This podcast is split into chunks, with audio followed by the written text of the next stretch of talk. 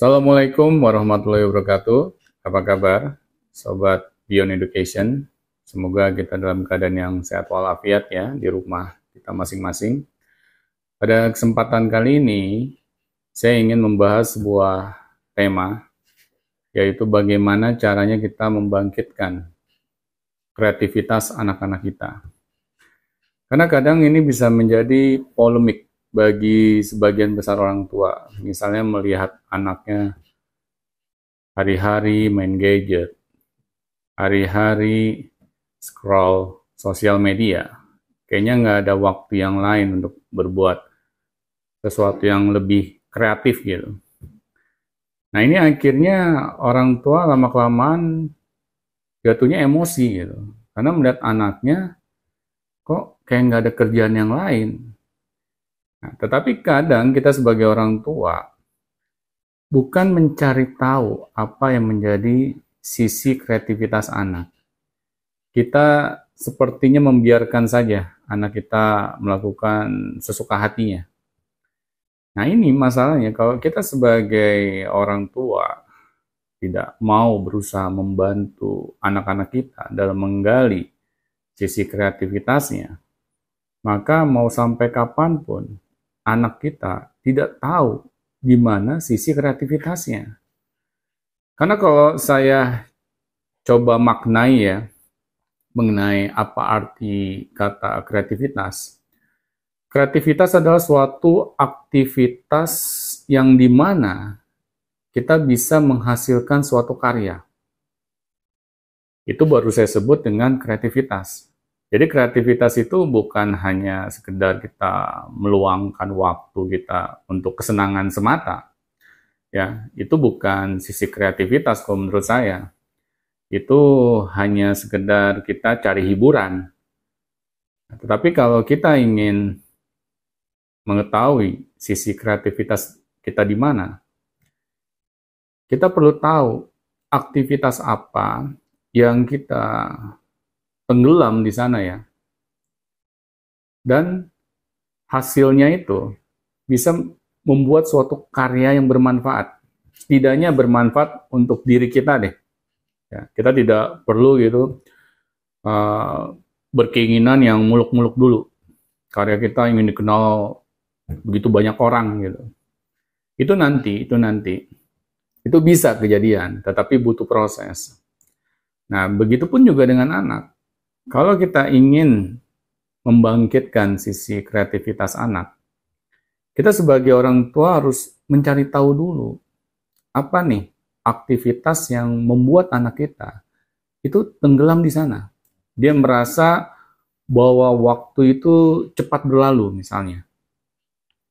Akhirnya ketika kita sudah mencari tahu anak kita apa nih aktivitas yang membuat dia itu merasa luar biasa dia melihat bahwa aktivitas ini sepertinya gue banget gitu.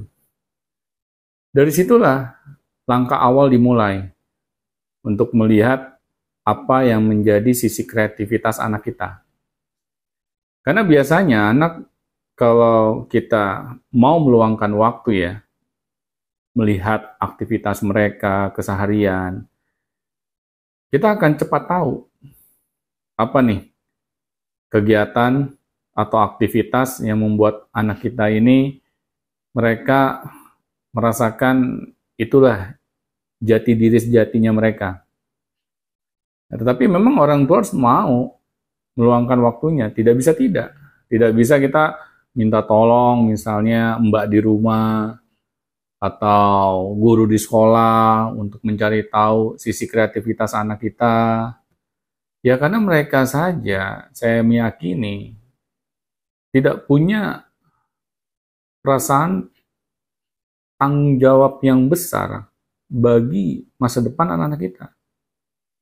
Karena tanggung jawab besar itu, bagi saya ya, itu miliknya para orang tua.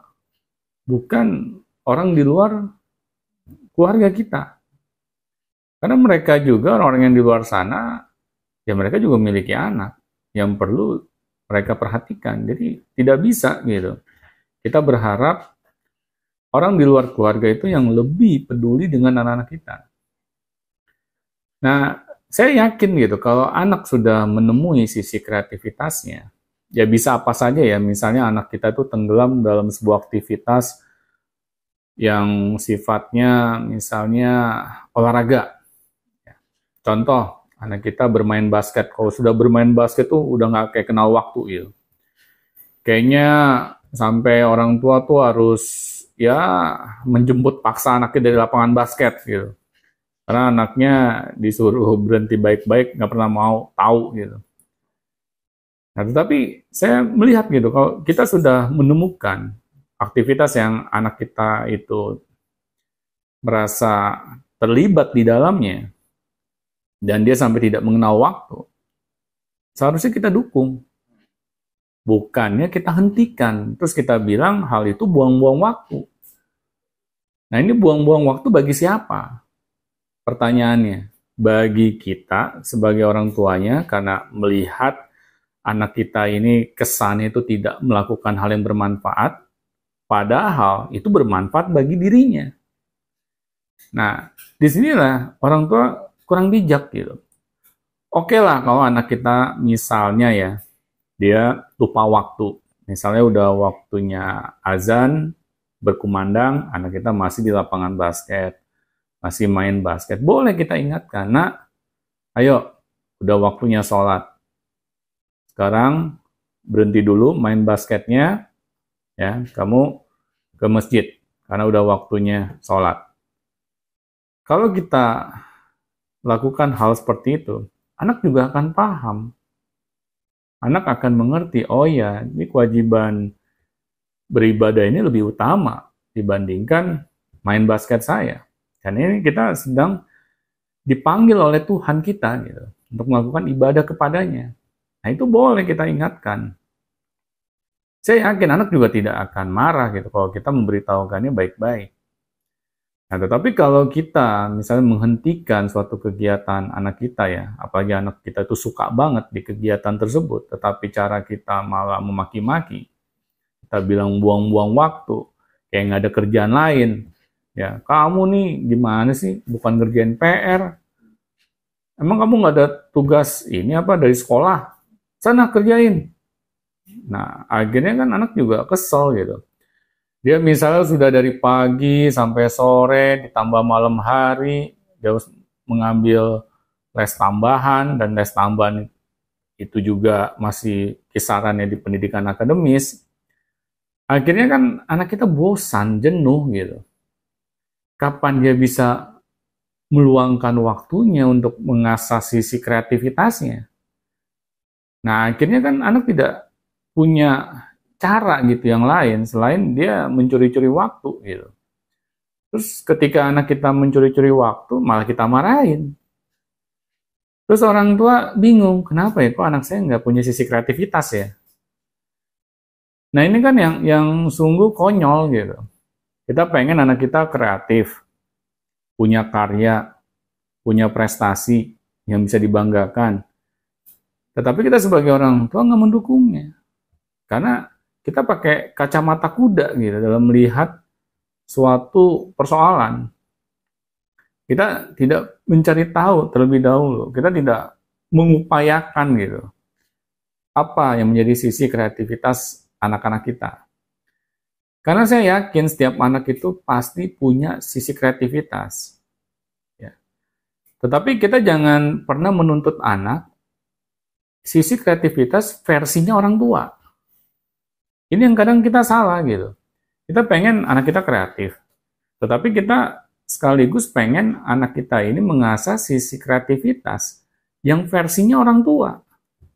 Ya orang tua kan sisi kreativitasnya ya nak kamu duduk manis di depan meja belajar kamu ya kerjain tuh PR-PR yang diberikan oleh pihak sekolah kita beranggapan kalau anak kita melakukan hal itu, itu disebut kreatif. Itu kalau menurut saya konyol. Anak tidak memiliki waktu luang untuk melakukan hal yang lain gitu, yang lebih dia sukai. Sekarang gini deh, saya tanya ke para orang tua yang di luar sana ya. dulu waktu kita seusia anak-anak kita. Bagaimana sih kalau kita tuh sering misalnya dimarahin gitu oleh orang tua kita dulu. Misalnya kita lagi main enak-enak, terus tiba-tiba disuruh berhenti, suruh ngerjain tugas, suruh ya ngerjain misalnya pekerjaan rumah, yang di luar ini ya, di luar akademis, misalnya kita disuruh nyapu, suruh ngepel gitu kan, ya apa pun namanya lah. Ya kadang kan kita juga kesel gitu, apalagi kita sudah misalnya seharian di sekolah, waktu dan energi kita juga udah banyak habis tersita gitu. Eh kita tidak boleh melakukan hal yang lain. Ya makanya anak-anak nggak aneh gitu, mereka akhirnya curi-curi waktu untuk melakukan sesuatu hal yang hanya sekedar ini saja menghabiskan waktu saja gitu. Jadi bukan hal yang bermanfaat karena mereka itu butuh yang namanya merasakan ada suatu sensasi gitu di dalam otaknya gitu. Ya, jadi menghilangkan ketegangan-ketegangan yang mungkin seharian anak kita itu alami Ya apalagi kalau anak kita sekolahnya itu waktunya sangat panjang gitu. Dari pagi sampai sore, lagi oh malamnya ditambah gitu. Anak kita kan butuh yang namanya relaksasi gitu. Ya orang dewasanya butuh yang namanya kita tuh bisa ya membuat ketegangan-ketegangan di urat saraf kita itu mengendur lah. Anak kita juga sama gitu. Jadi jangan sampai kita tuh gampang menjudge anak bahwa anak kita ini misalnya kayak main gadget atau main sosial media atau main game itu nggak ada manfaatnya itu ada ada manfaatnya karena mereka butuh butuh istilahnya pelarian ya mungkin pelariannya ini kurang tepat ya kalau misalnya anak kita menghabiskan waktu di gadgetnya begitu lama ya habis orang tua juga nggak ini nggak memberikan kesempatan anak untuk melakukan hal yang lain di luar misalnya pendidikan akademisnya. Misal anak kita suka main basket, kita kadang tidak mendukung. Kita pikir main basket kan nggak ada hubungannya sama pelajaran di sekolah. Atau enggak misalnya anak kita pengen main musik, kita juga nggak dukung gitu. Ngapain sih main musik? Kan main musik ini kamu nggak bisa ini juga kan ngasih makan kamu juga dengan kamu bermain musik. Ya jadi ucapan-ucapan orang tua itu ya kadang nggak enak banget gitu didengar di telinga gitu. Ini yang membuat anak jadinya ya bingung apa-apa nggak boleh gitu. Ya kita juga dulu kan kalau seusia mereka dibegitukan sama orang tua kita apa-apa nggak boleh, ya pasti kita butuh pelarian ya karena dulu nggak ada gadget, dia bagaimana coba? Kalau sekarang kan ada gadget, anak-anak bisa punya hiburan di tangan mereka ya. Kok dulu apa hiburan kita? Main kelereng, ya. Beli itu main kelereng, main tak benteng, ketahuan banget ya umur saya ya. Nah, jadi ya begitu para orang tua ya. Jadi jangan kita senangnya menjudge anak kita tidak kreatif Padahal kita tidak membantu anak-anak kita menemukan sisi kreativitasnya. Jadi sisi kreativitas itu jangan sampai kita salah artikan dengan misalnya kita pengen membangkitkan kreativitas anak, maka anak kita ini kita berikan les musik agar anak kita ini berkembang gitu. Nah, misalnya kreativitasnya. Ya tapi kan sisi kreativitasnya itu di bidang musik. Bagaimana dengan bidang-bidang yang lain? Kalau menurut saya, segala kegiatan yang bisa menghasilkan karya itu adalah sisi kreativitas apa pun namanya ya. Mau musik, mau olahraga, mau gambar, mau apa pun jenisnya gitu. Yang membuat anak kita itu merasa dia bisa bermanfaat di situ. Itu namanya tetap kreativitas. Jadi kita jangan persempit gitu. Ya memang musik itu salah satu cara ya untuk membangkitkan kreativitas anak. Tetapi kalau anak kita misalnya tidak menyukai bermain musik, tapi kita paksa gitu, karena Kita pengen membangkitkan sisi kreativitas anak. Nah, itu, ya ini lagi, ini berarti ambisinya orang tua, bukan ambisinya anak. Akhirnya kan anak merasa dipaksa. Lah, wong gua nggak suka musik, kok disuruh main musik gitu. Terus suruh main musik biola lagi, waduh. Makin anak kita menderita gitu. Nah, di sinilah kita banyak melakukan kesalahan gitu. Nah ini penting ya bagi setiap orang tua itu mau belajar ilmu parenting, ya mau banyak berdialog dengan anak. Agar apa? Agar kita bisa segera menemukan sisi kreativitas anak. Jadi jangan kita ingin membangkitkan sisi kreativitas anak, tapi ujung-ujungnya ya kita hanya mengedepankan ego kita saja. Ini yang tidak boleh. Karena kalau hanya sekedar mengedepankan ego, ya pastinya anak akan lebih sulit menemukan sisi kreativitasnya. Nah ini pentingnya bagi para orang tua ya, karena sangat disayangkan gitu ya namanya umur ya, umur berkaitan dengan waktu ya. Kalau kita tidak mau berusaha membantu anak-anak kita hingga akhirnya anak kita sampai dewasanya kesulitan menemui sisi kreativitasnya, maka di situ ada peran orang tua loh yang dalam arti tidak memberikan kesempatan gitu kepada anak-anaknya untuk mengasah sisi kreativitasnya. Nah, peran orang tua ini apakah hal yang positif gitu? Pastinya kan tidak gitu.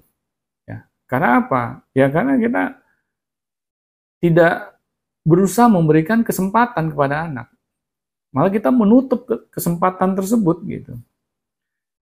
Dan eh, ke depannya kalau anak kita sampai gagal menjadi orang yang kreatif, ya jangan salahkan anak kita.